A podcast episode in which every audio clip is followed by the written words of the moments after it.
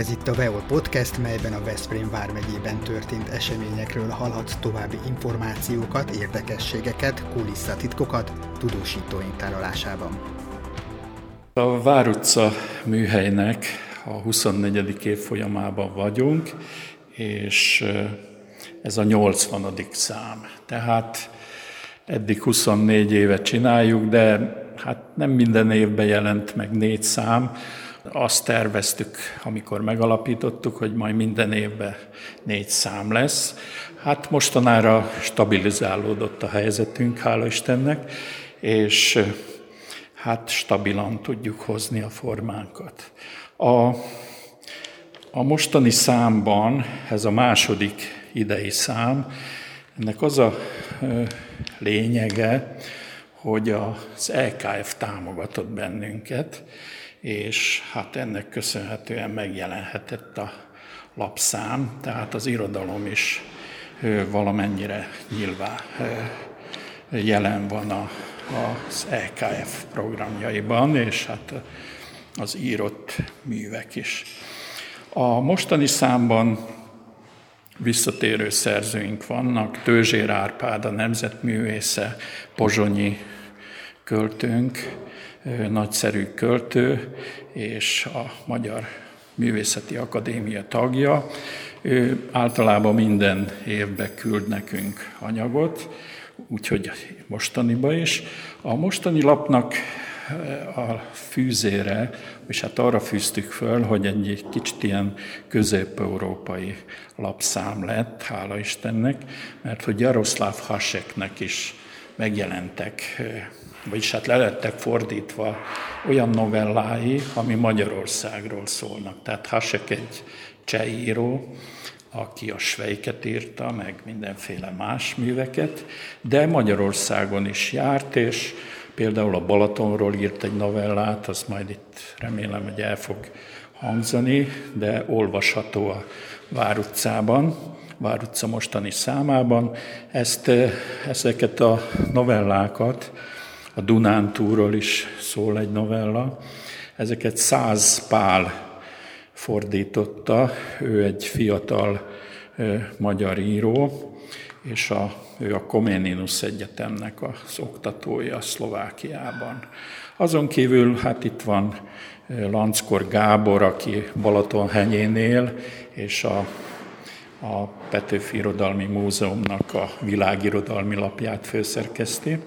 Azon kívül itt van velünk Mohai Lajos, V. Lajos, aki hát állandó szerzőnk lett, és hát a Fejezetek egy életrajzból című eszéjét közöltük, de szoktunk tőle verset és elbeszéléseket.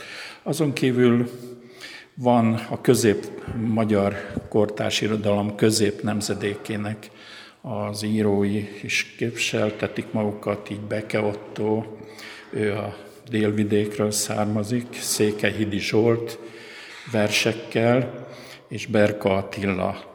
Azon kívül van egy ilyen filozófiai blokkja is ezeknek a, az idei számoknak, mégpedig Willem Flusser, cseh származású világhírű filozófusnak a gondolatait, Ebbe a mostani számunkba az iskoláról szóló gondolatait olvasthatjuk, és Losonc Alpár pedig délvidéki filozófus, ő a Szerb Tudományos Művészeti Akadémiának a tagja, és ilyen aktuális politikai elemzést ad az Európai Unióról, Németországról, stb.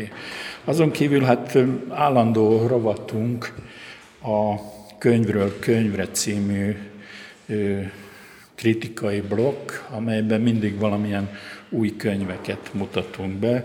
Ebbe is van három, tehát az egyik péntek orsolya egy, egy Pécsről szóló regényt írt.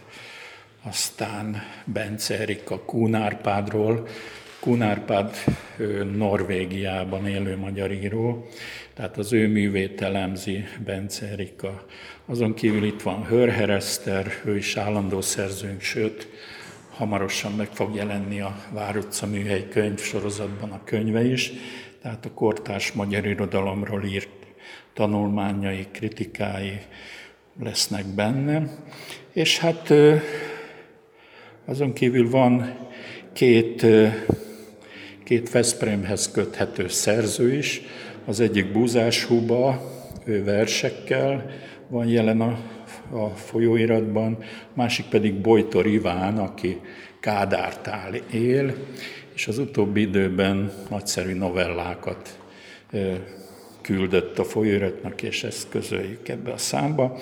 És hát a vizuális anyaga a számnak pedig külön öröm, hogy egy, egy szintén Veszprémhez kötődő fotóművész, Olá Gergely Máté művei láthatók benne.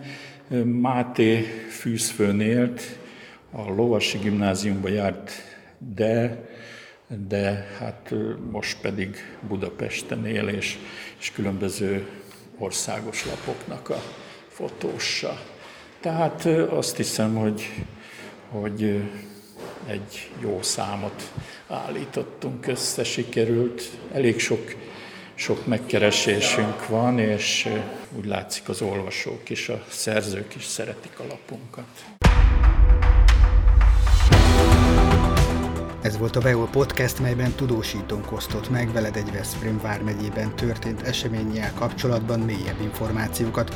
Kövess minket, hogy ne maradj le az újabb tartalmainkról.